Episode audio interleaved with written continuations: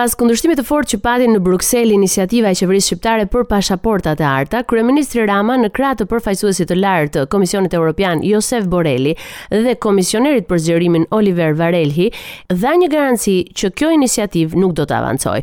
Borrelli në fjalën e tij tha: "Ne patëm mundësi të mirëpresim deklaratën e Ramës që skema e pashaportave të arta nuk do të ndiqet më tej dhe kemi trajtuar edhe çështje të tjera veçanërisht polarizimin e mjedisit politik në vend. Ndërkohë sa i takon amnistisë penale dhe fiskale, edhe kjo një çështje e parë me skepticizëm nga BE, Rama pranoi se rekomandimet e ekspertëve europian po përfshihen në draftin e qeverisë. Gjithashtu, do të ecet me nismën e legalizimit të kanabisit mjekësor. Dy përfaqësuesit e lartë të Brukselit erdhën në Tiranë për të marrë pjesë në takimin e 12 të Këshillit të Stabilizim Asociimit, që për herë të parë nuk mbahet në shtëpinë e BE-së në Bruksel. Të dy e shohin këtë si një vlerësim për ecurinë e Shqipërisë dhe e bëjnë të qartë se procesi i anëtarësimit të plotë nuk është çështje datash, por reformash të përmbushura. Rama nga ana tjetër krenohet me rezultatet e reformës në drejtësi, që ka vendosur në bankën e të akuzuarve dhe të dënuarve edhe njerëz të lidhur me pushtetin. Nga ana tjetër i pakënaqur me vëmendjen financiare që Bashkimi Evropian ka për Ballkanin Perëndimor, Rama kërkoi më shumë, edhe pse është falënderues që komisioneri Varhelyi erdhi me lajmin e mirë të lëvrimit të financimit për Kolegjin Evropian të Bruzhit, që në shtator ai lajmëron se do të hapë aplikimet për studentët në Tiranë. Asnjëri prej dy anëtarëve të lartë të BE-së nuk pranoi të komentojë mbi zhvillimet politike në Tiranë, pasi këtë çështje e shohin të brendshme. Pasi KAS vendosi që KQZ-ja duhet të regjistrojë në zgjedhjet vendore të katërmbëdhjetë majit Partinë Demokratike me nënkryetarin Enkelejd Alibeaj në cilësinë e kryetarit të komanduar të partisë, ky i fundit ka reaguar me anë të një postimi në rrjetet sociale. Alibeaj përshëndeti vendimin e KAS teksa ftoi të gjithë kandidatët demokratë të bashkohen dhe të prezantohen me një kandidat të PD-së në zgjedhjet lokale.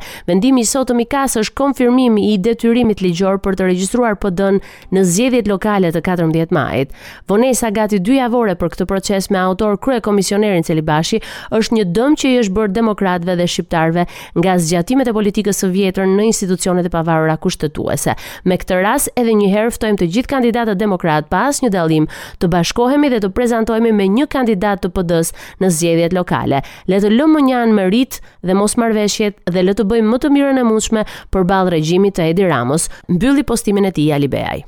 Kreu i Partisë Demokratike Sali Berisha uh, prezantoi në Lushnje kandidatin e opozitës për bashkinë Eduard Sharka dhe në mes të tjerash shtoi se kryeministri Rama ka frikë nga futja e opozitës në zgjedhje, ndaj po bën çdo përpjekje për ta ndalur. Përpara demokratëve të Lushnjës nuk la pa shigjetuar edhe dyshen Basha Alibeaj. Ju keni konstatuar se çfarë qëndrimesh antikushtetuese, antidemokratike Mban Edi Rama përpjekjen e tij të turpshme dhe kriminale për të mos lejue Partinë Demokratike të marrë pjesë në zgjedhje.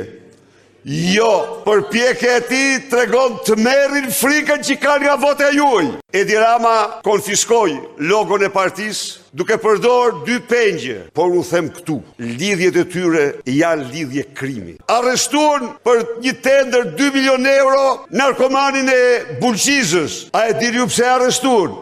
E arrestuan se nuk pranoi të largohej, donte të kandidonte patjetër. Edhe ia mbanin dosjen.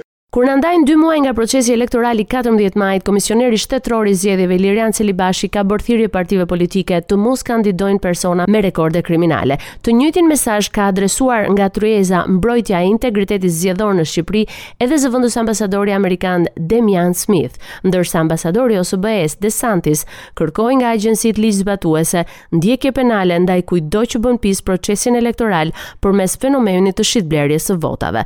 Ambasadori britanik Alastair King-Smith bëri thirrje për një proces të lirë, transparent dhe të ndershëm. Apeli i ndërkombëtarëve vjen në një kohë kur për shkak të rekordeve kriminale, Komisioni Qendror i Zgjedhjeve i ka hequr mandatin disa prej kryebashkiakëve, këshilltarëve bashkiakë si dhe deputetëve të Kuvendit.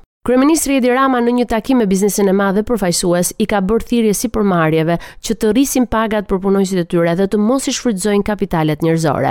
Ai u shpreh se sot bizneset private po përballen me mungesën e burimeve njerëzore dhe ky është një shqetësim që duhet të marrë zgjidhje. Kryeministri thekson se epoka e shfrytëzimit të burimeve njerëzore nga sipërmarrjet duhet të mbyllet. Sipas tij, dilema e kompanive është të vdesin apo të mbijetojnë duke ndërtuar një marrëdhënie të re me punonjësit. Kujtojmë se në prill paga minimale do të bëhet 400.000 lekë të vjetra. Raportoi nga Tirana për Radio SBS Gerta Heta.